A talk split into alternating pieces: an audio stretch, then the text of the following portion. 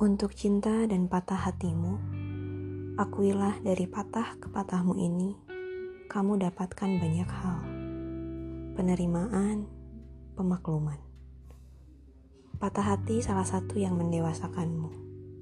Dulu, kamu mengutuknya mati-matian, lalu memaafkannya lagi. Kamu memakinya, namun tetap memintanya kembali. Kamu diam-diam menunggunya Itulah kamu, naif dalam percintaan. Kamu mencintainya, tapi bertingkah seakan-akan membencinya. Gak pernah ada yang benar-benar salah, dan gak pernah ada yang benar-benar benar. Dalam percintaan, semuanya abu-abu. Kamu gak berhak nyalahin dia atas apa yang dia pilih. Kamu juga gak salah karena bikin dia gak bertahan sama kamu. Kamu cuma perlu lebih dewasa mengatasinya. Kamu udah hadiahkan dia kebebasan, imbalannya kamu dapat ketabahan.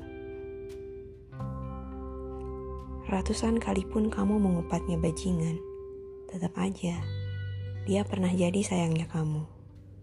Pun, ratusan kali kamu mengingat kebaikannya, jangan jadikan itu alasan untuk mengharapnya kembali. Jangan sampai pula dia jadi tolak ukur untuk pasanganmu nanti.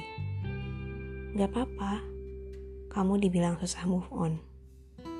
Mereka gak tahu, di balik patah kepatahnya seseorang, ada usaha yang seakan-akan terlalu keras untuk menghilangkan rasa sakit yang akhirnya mendewasakan dan bisa menyembuhkan. Cukup ambil waktumu sendiri kamu pulang pada dirimu sendiri, cinta yang kuat untukmu sendiri, maka kamu sudah siap menjadi rumah untuk seseorang yang akan pulang dari lelahnya pencarian. Membuatnya merasa tenang dan selalu merasa cukup. Kamu siap untuk cinta barumu?